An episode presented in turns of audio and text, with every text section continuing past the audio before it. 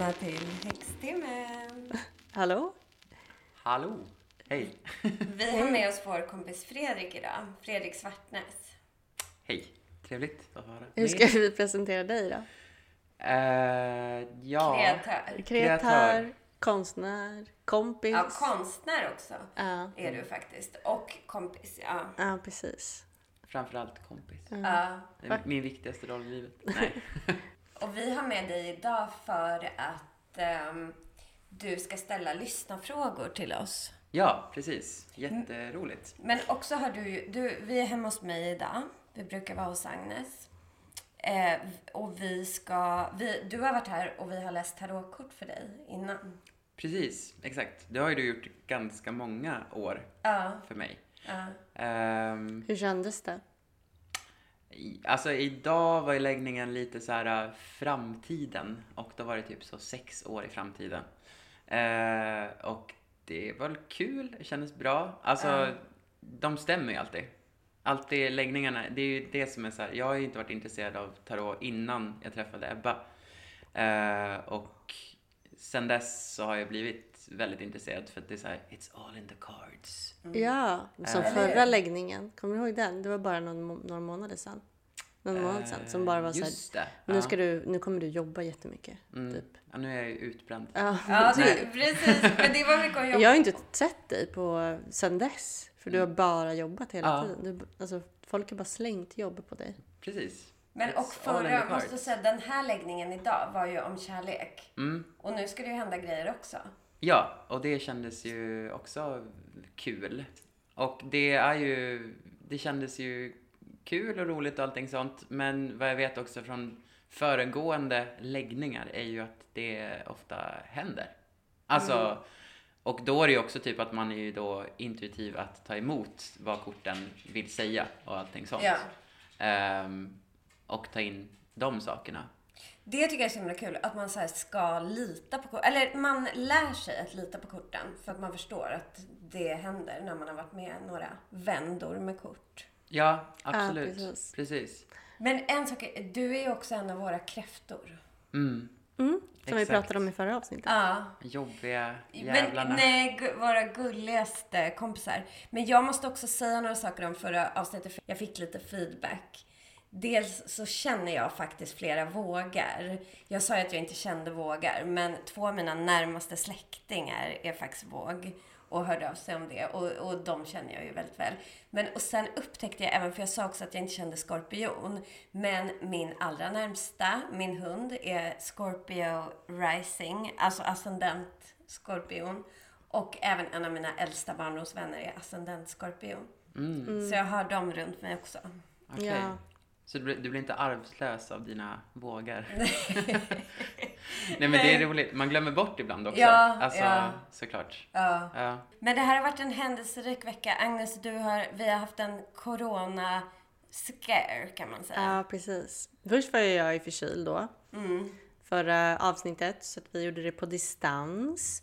Men vi, jag tror, ja, vi var ju lite oroliga att det var corona, men det var inte, för jag gjorde ett test. Och sen så var det, trodde jag att folk i min närhet hade corona, så jag tvingade eh, honom att ta ett sånt snabbtest. Men eh, han hade inte corona. Men troligtvis har hans roomie corona. Mm. Som för övrigt har ställt några frågor för Ja. det här Mm. avsnittet. ja, fun fact. Jag gjorde också ett coronatest förra veckan. Aha. Jaha. Ja. Men det var negativt. Det skulle vara så kul om du bara... Men Det var Ja. Little did you know. Jag gjorde också sånt test. Men jag fick alla rätt faktiskt. Det var 100% bra. Positivt. De sa att jag är jättepositivt. Ja, Ja. De där testerna är inte så svåra som alla säger. Alltså både för att vi tycker att det är kul, men också för att du har varit lite sjuk, Mm. jag har blivit kär och lite sånt. Usch. Ja, så har vi inte... Då tänkte vi, vi kör ett så här frågeavsnitt. Där folk får känna, sä- säga vad de vill fråga. Mm, precis. Istället, för det blir också intressant research. Ja, och vi har ju fått frågor från våra följare på Instagram.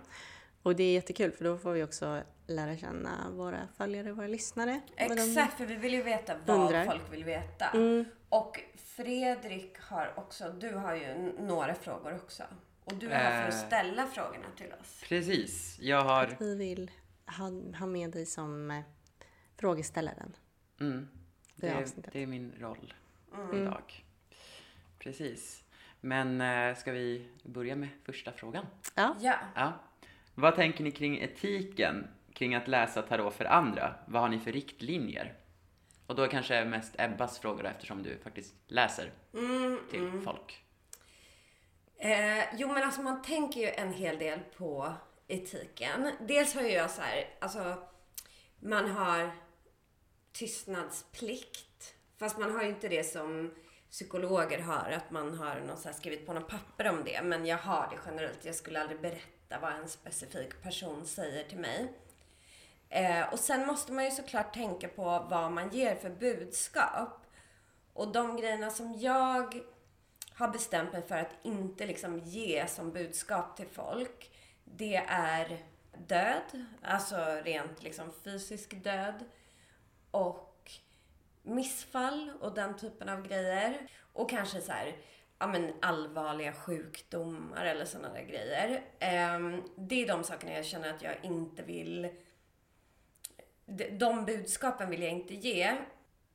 Och eh, då är det lite så att jag kan till exempel, dels kan jag kanske ibland läsa ut sådana saker av korten, men jag väljer att formulera det på ett annat sätt. Och där är ju också lite så här, för att man kan ju tolka ut flera saker av kort, så då kanske man väljer den vägen som inte är, ja, det ser ut som att du kommer eh, dö till exempel. Det är sällan man skulle se det, men alltså den typen av grejer. Eh, så det är väl lite de liksom etiska. Sen försöker man ju ta ett ansvar när man levererar liksom saker till folk. För det är klart det är inte kul heller att höra eh, att det kan finnas orosmoln kring en relation eller någonting. Men lite sådana grejer får man ju ändå vara beredd på om man ger sig in i en tarotläsning. Mm, precis. Allting handlar ju om hur man formulerar det. Ja, det exakt. Man kan formulera budskap på ett liksom stärkande sätt eller ett icke-stärkande sätt. Mm, precis. Men det måste ändå vara en överenskommelse. Alltså jag skulle ju aldrig så här, tvinga på någon att läsa kort för den. Så här, jo nu ska jag läsa för dig. Utan det måste ju vara den, alltså en person som vill ha svar på en fråga. Mm, Precis. För den energin måste ju också finnas där. Ja.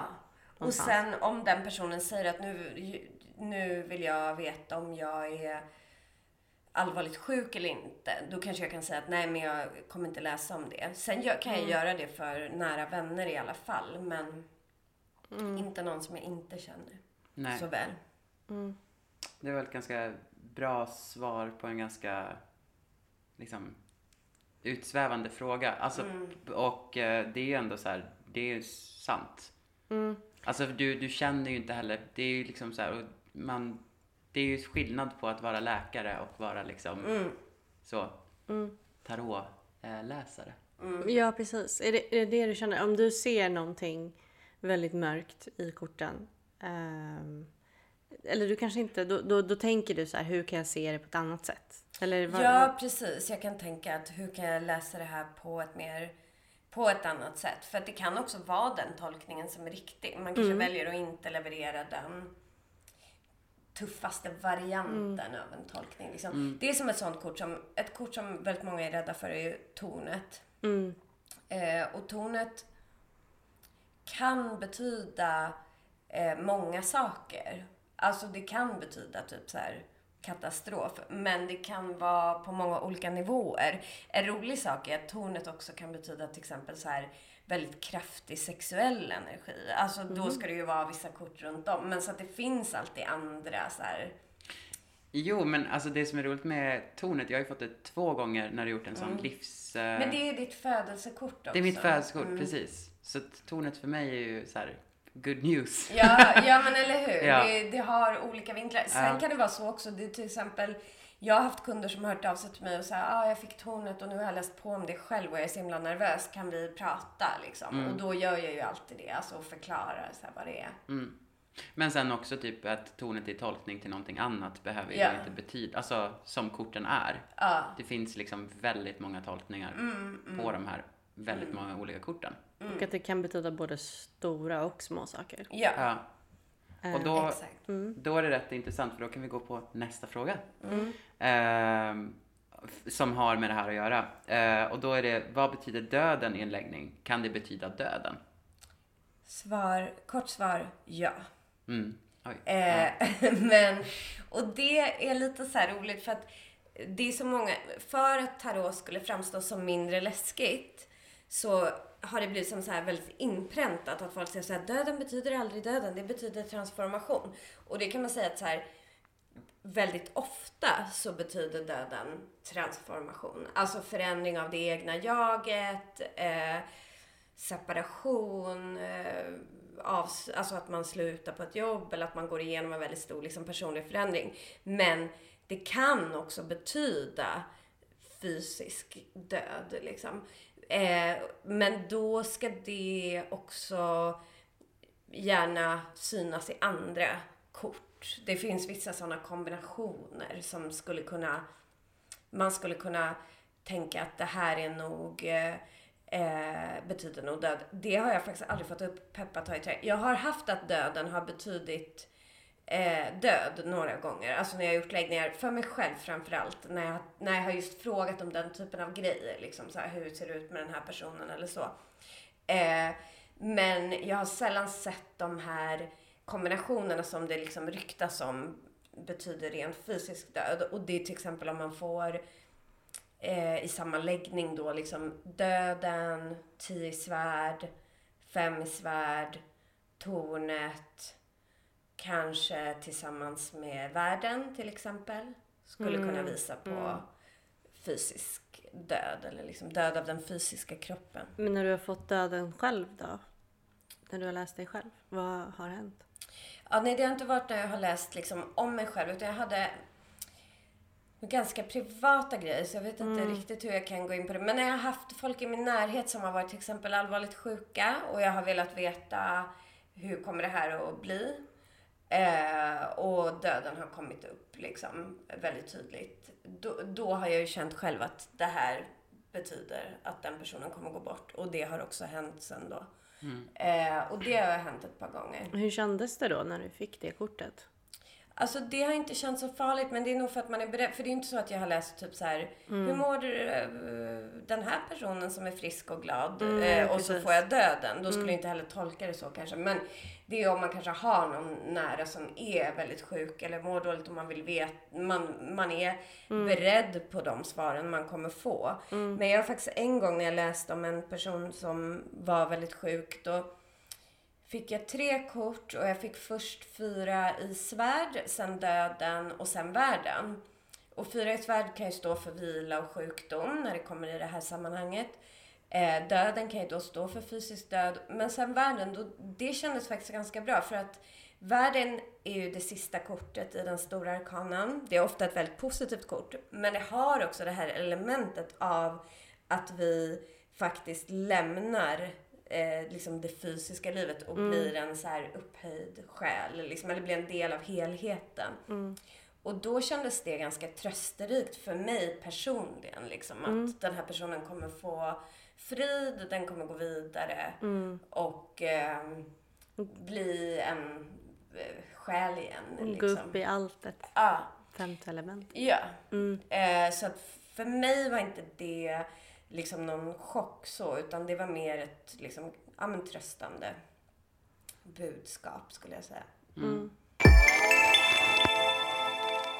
Ja, eh, då har vi en till fråga. Mm. Eh, hej, jag har en viktig fråga. Och det är utropstecken efter hej och det är utropstecken efter fråga. Så det här är Ja, väldigt det är viktigt. väldigt viktigt. Vart är alla moderna trollkarlar? Ja, varför är det bara tjejer överallt?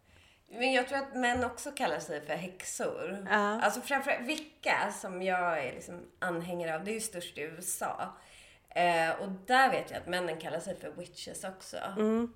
Men alltså ja, man kan ju undra, var är trollkarlarna? Men jag vet inte om de kallar sig för trollkarlar, för det är ju såna här Magicians. Joe Labero och Ja, just så. det. Ja, det är sant. Han borde vara med De, i fin, podden. de finns ju. Ja, Ja, men de är ju liksom They mer are så. around. Ja, De finns i Las Vegas. Ja, Nej men... ja, eh, precis. Svar på frågan. Köp biljett till Las Vegas. Så. ja. Ja. Men de Nej, är ju men- mer, men, så jag tror att eh, män kan ju också vara häxor. Mm, men hur stor procent häx, av häxorna är det? Ja, det måste ju vara väldigt få. Jag vet faktiskt inte det. Men jag tror, det, inom liksom gay-communityt så finns det ju rätt många. Ja, precis. Men... Vi har Eh, många härliga följare där. ja, men däremot eh, vet Shoutout. jag inte, liksom bland straighta män så känns det ju inte jättevanligt. Men jag såg faktiskt ett väldigt disturbing tv-program häromveckan. Jaså. Om en man som mördade barn, så det var ju inte trevligt. Men han var ju Typiskt häxa. Och Alltså Vattuman-grej att sitta titta på det. Ja, i alla fall. Men han var ju såhär bara, I'm a witch. Alltså det var en amerikan och han typ berättade om sin fru bara, eh, jag gör ritualer i källaren och så här. Och hon bara, ja ja typ det är vicka, det är väl okej. Alltså lite sådär. Och han var ju en straight man liksom. Eh, och sen hade han då dödat eh, hennes barn var det som han var styvpappa till. Men, och var typ pedofil också. Så det var ju väldigt Ah, hemskt. Ja, Men grejen var, det, alltså inte för att vara elak nu mot alla straighta män som säkert är jätteunderbara, särskilt ni som lyssnar på våran podd. Men eh, det kan säkert bli fel, eh, alltså när den här heterosexuella energin, den straighta manliga energin kommer Mm. i kontakt med magi, tror jag att det kan. Varför tror du det Men du har ju till exempel eh, Merlin liksom. Jo, men han är ju liksom, det är något annat. Alltså Okej, där känner jag ja. att män får liksom lite hitta på sin egen grej. Typ såhär, Mm. vi är trollkarl. Alltså sådär. Det är ju Gandalf. Mm. Eh, Första kortet Gay. i stora arkanen, ja han är ju gay. Eller ja, Ja. inte Jo. karaktären. Men... Ja. Ja. Dumbledore, gay. just det. ja, Eller bi. Ja, Vad var det? kanske. ja. Men... Också Eh, fabricerat i efterhand. Av goa J.K. Men Rowling. det var faktiskt Något. en sak som var kul var när jag gick i jungiansk psykoanalys. mm, Och eh, för att jag bland annat ville veta varför jag hade, jag har inte det längre då, så att, men jag hade så problem med eh, alltså, att träffa män. Liksom. Eller jag ville inte ha en manlig energi i mitt liv, så, alltså kärleksenergi. Ingen trollkarl. Nej, men, och då så säger han, för att i jungiansk eh, terapi så är det mycket som man jobbar med arketyper och sådär, alltså med, det är tarot, men att man ska hitta liksom arketyper för allting. Så han var så här, men eh, har du ingen sån man som du gillar liksom i, ja men så här, någon sagofigur eller så här. Jag bara, nej jag kan inte komma på. Han bara, kan du välja någon i Sagan om ringen? Jag bara, ja då tar jag Gandalf. Jaha, jag hade tänkt så här, gillar du inte Aragorn? precis. Nej. Exakt. Nej. Ja, eller typ vad heter... Vem är det som... Legolas. Legolas, Han är ju för sig väldigt snygg men... Ja. Ja, man hade velat vara alv. Ja, ja, om man fick vara där i så ja. Ja. Men jag är nog mer Nej, hob, så du har jag tog- kommit med. eh, Man är, man är en hob. ja, Du är verkligen nu ingen... kommer vi på Nej. stickspår. Ja, verkligen. Men Nu- varför sa du Gandalf då och hur, vad hände sen? Nej, jag skulle gå hem och... Eh, alltså jag minns inte exakt. Jag fick någon slags uppgift. jag skulle, Jag skulle gå hem och punkt, punkt, punkt. Men jag menar, du sa Gandalf och nu är allting, nu sa du såhär, nu är det fine med män. Alltså vad ja, hände men jag, emellan gick, det? jag gick inte klar i terapin. Nej, Nej. okej. Utan eh, jag kom inte så långt där. Men, eh, men eh, ja, det, men det har hänt någonting liksom. Allmänt. Men eh, kort svar, de får, de får reda sig själva. Men, Ja. Men ja. varför tror du att en maskulin straight energi inte passar in i eh, Nej, men för jag, Wicca? jag eller tänker att eh, alltså, män är så här typ, eh, alltså vill ha makt ofta. Mm. Mm, och då så när de upptäcker liksom magi så tror jag att det kan bli lite så här skevt. Ja, precis. Mm. Och just det straight energi då, att Ja, de vill exakt. äga Ja, eh, ja. den här feminina energin. Jag får så här, åh jag kan göra det här och det här och liksom sådär. Så är det ju också om man då tänker på film och böcker. Mm. Så är det ju alltid de här, ja men, Sauroman och de trevliga. Ja. Det, det blir för mycket straight energy. Att just de, de kan inte hålla sig till att så här, det här är för mig och för min omgivning. Utan Mm. min omgivning kan bäras av mig. Precis. Det är väl lite det. Och så här, historiskt sett så är det så här, om män vill ha typ land, då går de in och typ så här, bombar Mm. Ja. det. Så att det försvinner. Alltså typ Mördar landet. mördar, så att landet försvinner. Medan som man själv är så här, jag skulle ha den här skogen. Alltså Mm. lösningen på det är inte bomba sönder skogen, så är den min. Nej, då försöker man typ lära känna skogen. Ja, precis. Mm. Precis. Man går in och sätter sig i skogen. Mm. Det är kanske de två olika energier. Ja. Mm. Nu eh, går vi vidare till nästa fråga. Det kanske är dags. Vi babblade sönder. Eh, vad, den här tar vi nu. Jag har flyttat in i en ny lägenhet. Hur rengör man ett nytt boende? Mm. Spirituellt då gissar jag. Eh, Ja, Inte Nej, med nej. Det var Aja. en mopp Ja. eh, Ja. vilken glöm dammsugare. inte taket. ja. Nej, utan... Alltså eh, det finns flera bra. Jag älskar ju rening av hem och lägenheter. Alltså man, får, man kan ju fortsätta göra det. Man behöver inte bara göra det när man flyttar in. Men när man flyttar in har man ju så här ett gyllene tillfälle.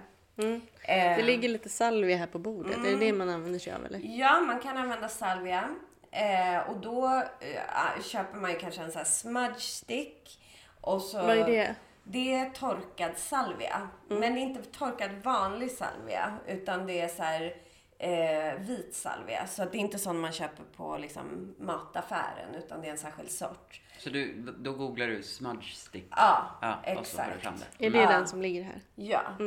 Och sen så eh, tänder man den och eh, går, alltså, använder röken. Och då ska man gärna gå medsols i lägenheten i alla hörn och så här. Och låta röken liksom eh, komma fram där. Men sen, jag är egentligen större fan. Jag brukar använda sa- salvia eller smudge stick använder jag till mina tarotkort och så spirituella verktyg. Men när det kommer till rum och så, så gillar jag faktiskt att använda salt. Eh, det är väldigt så neutraliserande och renande. Och då kan man ta eh, och lägga, alltså göra saltvatten. Man tar lite så här halvvarmt vatten och blandar ut med salt. Och sen kan man gå och spraya det här i rummet. Eller i huset eller vad man har.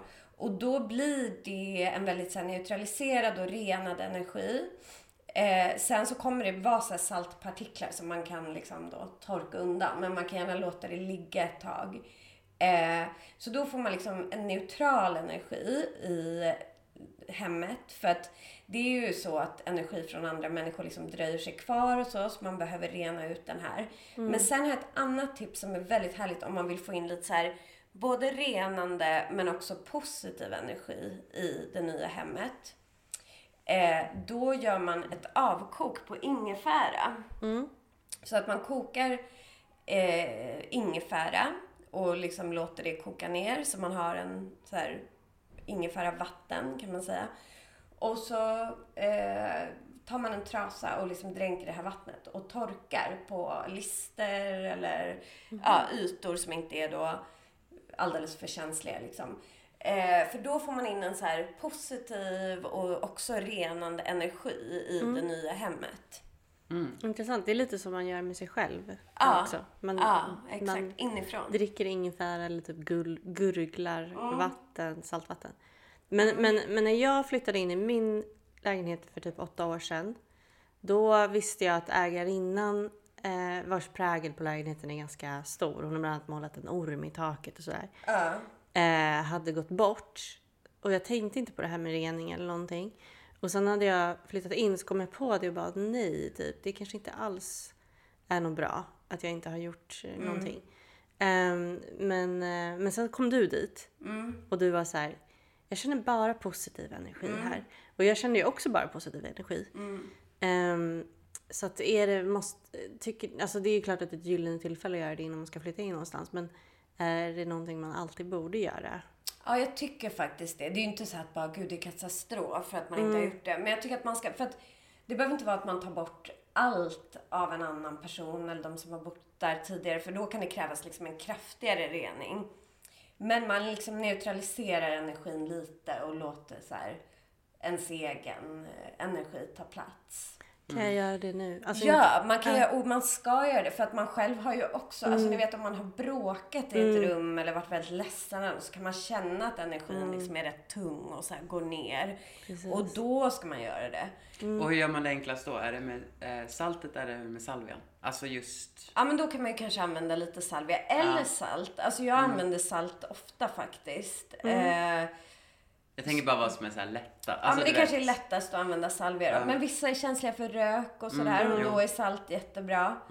Eh, så att det beror lite på. Alltså när jag renar mellan mina tarotläsningar, liksom när jag har så läsningar efter varandra. Då brukar jag faktiskt spraya saltvatten på, jag har så saltvatten som jag köper från Frankrike. Eh, Oj, oj, oj. Ja, Ja, förlåt. eh, så sprayar jag bordet med saltvatten Mm, och sen renar jag själva korten med eh, röken från salvia. För att eh, saltvattnet kan faktiskt förstöra korten ju. Men liksom Ja, på bordet kan jag spraya det och sen torka av det liksom. Mm, det är sant. Det, Ja. det är ju ibland sådär, man kan gå in i ett rum och bara skära i luften med kniv. Ja, exakt. Äh, stämning. Så Ja. det- Men, så, mm, men sen kan det ju vara så här, typ jag hade några vänner när jag växte upp, eller en liksom, skolkompis. Eh, hon bodde i ett hus, väldigt så här, gammalt hus i Äppelviken där hennes farmor hade tagit livet av sig i ett rum. Och det var ju så jäkla speciell energi där inne och det gick ju inte att få bort. Nej. Även om man renade. Så att då kan man ju verkligen behöva en så här kraftig liksom, rengöring för att det ska hända någonting. Mm, typ en person som går på Ja, ja. Och nästa fråga är då, är det viktigt att använda sin intuition för att tolka korten och hur tränar man i så fall upp den? Ja, alltså eh, det beror på vad man vill uppnå. Så här, man kan tolka korten bara genom att läsa vad de betyder. Men det är mycket roligare att använda sin intuition. Det är ju någonting som jag bland annat lär ut på mina kurser, alltså i tarot. Hur man tränar upp sin intuition. Och det finns massa olika sätt att göra det på. Dels att bara spendera tid med korten, träna upp ens intuition. Sådana saker som jag sa till dig när du skulle ha lite så tarotövning i vårt senaste tarotspecial till dig Agnes. Hon tittar nu på Agnes. Ja. Det var ju så här att du ska kika efter symboler. I, om du till exempel ser en duva på kortet så ska du kika efter symboler. Alltså om du ser en duva i verkliga livet på en typ. tavla eller ute eller sådär. Eh, Det är ett sätt att liksom börja upptäcka symboler runt om sig. Man måste bli mer uppmärksam på sin dag och sin... Ja. Ett sätt att träna upp sin intuition väldigt mycket, det är ju genom meditation.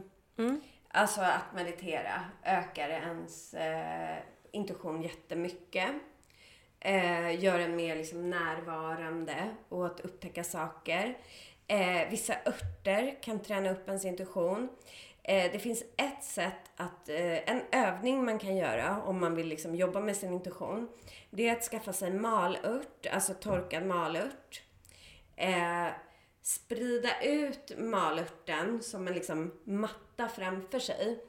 Och sen medan man blundar eh, rita symboler i malörten, alltså som kommer från ens inre. Det handlar om att kon- få kontakt liksom med sitt undermedvetna. Och sen när man öppnar ögonen, se vad man har liksom ritat med fingret i malörten och försöka liksom tolka de symbolerna. Så här, vad kan de symbolerna betyda? Så det finns massa olika sådana övningar, rent liksom konkreta övningar man kan göra för att träna sin intuition. Men att spendera tid med tarotkorten ökar ju också ens intuition generellt. Liksom. Ja, precis. Drömtydning också. Det är intressant. Eh, fråga bara, Ja. rent generellt. Var hittar du den här malörten då? Om du inte bor på typ en gård med, Ja, som malörtsodlare. Ja, alltså det finns ju på typ så här. ehm, ja men vi bor ju i Stockholm och då tänker jag på såna här butiker som typ Örtagubben, eh, om man vet vad det är. Eh, det finns även den här Eter och Essensfabriken som jag tror finns kvar. Eh, så här, den typen av butiker. Man kan säkert beställa det Inte- De har nog webbshop, ja, precis. Ja. Men vad heter det? Och snart kommer vi att ha ett specialavsnitt om eh, magiska örter. Exakt. Med ja. en eh, speciell gäst. ja, precis. Så vi kommer återkomma till det. Mm. Och eh, nästa fråga eh, lyder så här. Jag känner mig vilsen i livet och mig själv. Vad ska ni rekommendera att jag gör? Och så är det en fortsättning på frågan. Jag är intresserad av att träffa ett medium eller konsultation. Mm. Ja, alltså det är alltid svårt att ge väldigt så här, generella råd när man inte vet vad personen är vilsen kring eller... För mig har ju andlighet varit väldigt grundande och gett mig en riktning. Man ska ju alltid vara försiktig med, till exempel med häxkonst ska man ju vara försiktig med om man inte känner sig helt trygg. Men det är väl aldrig fel att gå på någon form av konsultation. Alltså kanske gå till ett medium. Om man är vilsen i just andliga frågor, gå på en tarotläsning eller gå till ett medium. Men att försöka också ta reda på vad, alltså varför känner man sig vilsen? Vad är det man behöver hjälp med? andlighet är ju inte någon så här quick fix för att må bättre. Eh, en tarotläsning kan få en att må bättre eh, och se ljus i tunneln eller förstå eh, att eh, saker kommer förändras och gå upp och ner. Men det är inte alltid en jättelätt resa dit. Så att man kan nog behöva vara eh, i någon form av balans för att utvecklas jättemycket andligt. Det kanske är som livet i generellt, att det handlar om olika liksom, balanser i eh, olika sfärer och typ, ja men så här rent kroppsligt, rent mentalt, rent liksom andligt. Att liksom man ska försöka ha en typ eh, öppen bild till när man eh, kanske är lite vilsen och så. Liksom. Men att inte se, se lösningen i en av de här. Utan liksom att det handlar om att typ så här, ja men eh, för att jag ska kunna förstå den här biten så måste jag också jobba på den biten. Alltså en, en, så att det blir liksom en, en symbios mellan de här. Precis. Tänker jag. Ja, och också förstå att vilsenhet är en del av livet och Absolut, ja, precis. en del av att börja söka någonting. Alltså någonting som kan ta en vidare. För det är ju det liksom, när vi mår dåligt eller när vi känner oss vilsna, det är ofta då vi söker till exempel andlighet. För man söker kanske inte andlighet när livet är liksom på topp, typ. Nej, precis. Ja, och jag tror också att uppenbarligen så söker sig den här personen mot någonting. Vill ha hjälp med, med någonting. Så det är ju bara det ett första steg. Ja. Och sen så som Ebba sa att jag tror att absolut att jag skulle typ säga att eh, gå, i en, gå till en tarotläsning. Ha, skriv ner frågor du vill ha svar på eller så här, saker du tänker på eller så. Och, Ja. och ta det därifrån. Men, men att göra någonting är bättre än ingenting men inte tro att det kommer vara lösningen. Att gå en gång till ett medium. Precis. Och, och man Ja. kanske måste veta varför man går dit lite grann. Precis. Man kanske ska vara kritisk och slash öppen. Även om de Mm. kanske är lite så här. Ja, precis. Men, men också förstå att typ eh, i slutändan så är det hjälpmedel Mm. till kanske varför man känner sig vilsen i livet och sådär. Och så handlar det väldigt mycket om att personen då själv. Eh, det är ju personlig utveckling och det är därför man kan eh, läsa in i tarot kanske liksom saker som jag känner så här är viktiga i mitt liv och allting sånt. Det är ju kanske för att jag har då jobbat på andra saker. Eller liksom att då kan jag förstå att så här, okej, korten kan hjälpa mig i det här. Eller ett medium kan hjälpa mig i det här.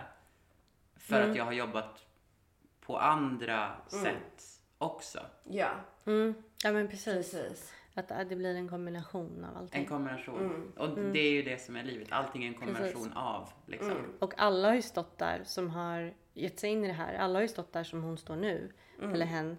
Eh, och bara, jag är vilsen, vad ska jag göra? Alla börjar ju också någonstans. Precis. Och sen så till slut så blir det som du säger, att det blir en kombination av olika saker, tankeverksamheter sätts igång och det är det man vill. Och det här är ju förmodligen en del på, alltså, menar jag har känt mig vilsen, ni har känt er vilsna. Och det är också typ, när man är där så är det ju inte jättekul. Men när man tänker på det i ett längre perspektiv så tänker jag att att ha varit vilsen leder ju också till att jag är den jag är idag. Ja. Och jag kommer vara vilsen i framtiden också. Men jag har haft hjälpmedel med mig i liksom de här olika världarna. Som har liksom förstått att jag kan vara vilsen, men jag vet ändå lite vilken stig jag ska ta. Mm. Ja men precis. Men att man har börjat någonstans, bara genom att slänga ut den här frågan är liksom jättebra. Ja, Ja, verkligen. precis. Mm. Hörrni, jag kom faktiskt på en fråga som vi inte har fått nu, men som vi har fått tidigare väldigt mycket och som jag får hela tiden. Eh, som jag skulle vilja säga så, och svara på. Och det är frågan, får man köpa sina egna tarotkort? För det finns en sån här gammal typ skröna att man måste få tarotkort för de ska liksom hitta till en själv. Och där skulle jag vilja säga att ja, man får köpa sina egna tarotkort. Eh, jag har köpt alla mina tarotkort själv. Ja, jag har fått någon gång, men liksom de jag använder mest har jag köpt själv. Eh, mina första tarotkort har jag köpt själv. Och eh, tarot har ju varit jätteviktigt för mig. Och det finns många sådana där gamla skrönor. Jag kan också uppleva att folk har sån otrolig liksom, respekt för tarotkorten. Och det är bra för att det är ett magiskt verktyg. Men man måste också tänka som vi har pratat om förut lite att det är mitt verktyg. Liksom. Korten är min... Det är lite det som är att typ vara häxa eller ta sig an häxrollen. Att man liksom, kraften är hos oss själva. Så man behöver inte vara så rädd för allt som är andligt eller magiskt. Så. Det är ju lite så här också grejer som typ, det känns som att typ kyrkan har så här tutat i oss. Att det är så otroligt farliga saker liksom. Just det, de sitter på svaren. Ja, ja.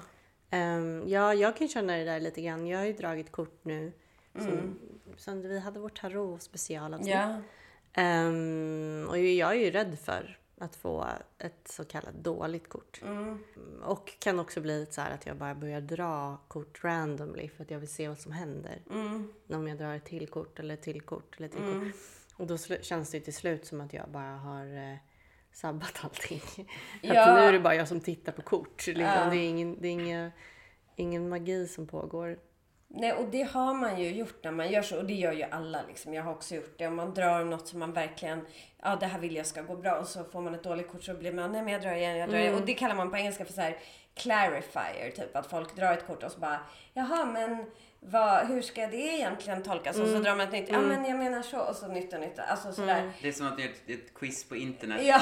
och så gör du en gång och sen så Ja. gör du en gång till så det blir rätt Ja. liksom. Men, och You då, will get married in one year. Jag sa ju det! Ja, exakt. Ja men och då, är det, då har man ju förstört sin läsning så att det, då ska man ju egentligen inte dra kort. Så jag skulle säga så här, klarar man när man känner så här, jag klarar inte att få ett negativt budskap Mm. här. Då är det bättre att lägga korten åt sidan och lämna det till liksom, Mm. eh, ja, till, till ti- se tiden an. Mm, precis. Det är därför det vore bättre för mig att dra ett kort eh, och sen titta på det på kvällen istället. Men jag är alldeles för nyfiken för det. Det, det har inte gått tyvärr. Men vem vet, jag kanske lugnar mig lite i framtiden. Mm, mm. Ehm, Eh, ja, men då går vi på nästa fråga. Mm. Hello! Eh, ja, det Hej. Hej. Precis, hello betyder hej. Nej. Eh, varför tror ni att det blivit så populärt med häxkonst? Och det finns ju så många svar. ja, precis. Och ju mer man tänker på det, desto mer ser man det också överallt. Mm. Att det är så populärt. Ehm, men eh, dels som du har sagt Ebba förut att, ehm, att, att vi alltid har varit andliga som, som människor. Men att det har försvunnit ganska mycket de senaste hundra åren eller så. Ja, för en snabb inflygning. Har det typ med så här industrialismen att göra? Ja, Det har det? verkligen. Ja. Mm. Kapitalismen. Ja, alltså vi, jo men det är faktiskt Ja, lite så att industrialismen, och, för att industrialismen tog oss ju någonstans från naturen liksom. Ja, att vi lever ja, i så här. Mm. boxar typ. Och sen så kapitalismen har ju liksom gjort att på något vis eh, pengar har blivit religion kan man säga. Alltså oavsett om man är för eller mot kapitalism så är det ju att det har blivit liksom ehm, religionen är att tjäna pengar. Typ. Det är det människor är fokuserade Konsumera. på. Ja, konsumera hela tiden. Eh, och för att, jag tror det är mycket så här för att typ dämpa ångest så konsumerar man saker liksom. Ja. Men och det tror jag, jag tänker att det, för industrialismen har väl pågått i typ 200 år? Är det inte? Ja, det är liksom Spinning Jenny och Ja. Tjosan hejsan. Ja, 100 år kanske det Jag kommer inte ihåg. Ja, men det är 1800-talet. 1800-talet. ja 100. För att vara ja. smarta. Nej men, Ja, precis. Sen, eh, sen krinolinen kom, typ någon gång på 1840-talet. himlen Ja. blev, gick från blå till svart. Ja. Det är typ 1820-30-tal. Just det. Precis. Ja, men för då kan man ju säga att eh, då har vi liksom skalat bort andlighet och nu har vi kommit till en tid där det liksom eh, folk har fått nog egentligen. Börjat känna den här tomheten. Och sen finns det massa andra grejer så här. Vi går in i Age of Aquarius. Är det det som påverkar oss? Alltså man vet inte. Precis. Och indi- individualismen också. Ja. Alltså för, om man tänker, ja men på tal om Age of Aquarius, den där jättekända låten som är en sån hippie anthem. Att eh, under 1900-talet har det ändå funnits folkrörelser. Man har kämpat för rösträtt, för fack, eh, rätt att liksom organisera sig fackligt. Så civil rights movement, typ fri sex. ehm, k- liksom kvinnans rätt till sin egen kropp och feminism. Allt det där har ju ändå hänt under 1900-talet. Eh, och det var ju, då kände man ju en stark grupptillhörighet, att man kämpade för någonting tillsammans. Vilket i, s- liksom i förlängningen typ har lett till indi- individualismen. Där alla är eh, sin eget projekt eh, och eh, liksom sitt eget varumärke lite grann om man nu ska så här hårdra det eller så. Ja. Ehm, där det är väldigt mycket fokus på individen. Och jag känner att så här, andlig, så att, och tanken på att hitta tillbaka till någon stor um, grupp em, vilja liksom det känns avlägsen. Men då känns det som att andligheten är ju ändå ett något sätt, att från sitt inre söka kontakt med en st- större helhet. Och också känna att man är en del av samma flöde eh, som, som naturen och andra människor. Ja. Alltså så här, det är ett sätt att, att, att komma ifrån eh, att mina känslor är eh, lag. Utan det kanske är så här, eh, det kanske finns en större eh, liksom, känslobild i, i världen just nu. Eller liksom någonting större än bara, bara jag, jag, jag. Ja, och sen också en grej som spelar in där för att det är just liksom häxan och häxkonst. Det är ju feminism. Alltså för att den andligheten som har varit tidigare, alltså med eh, kristendom, islam, judendom, sådär. Det är ju inte en jämställd, alltså det är en patriarkal andlighet.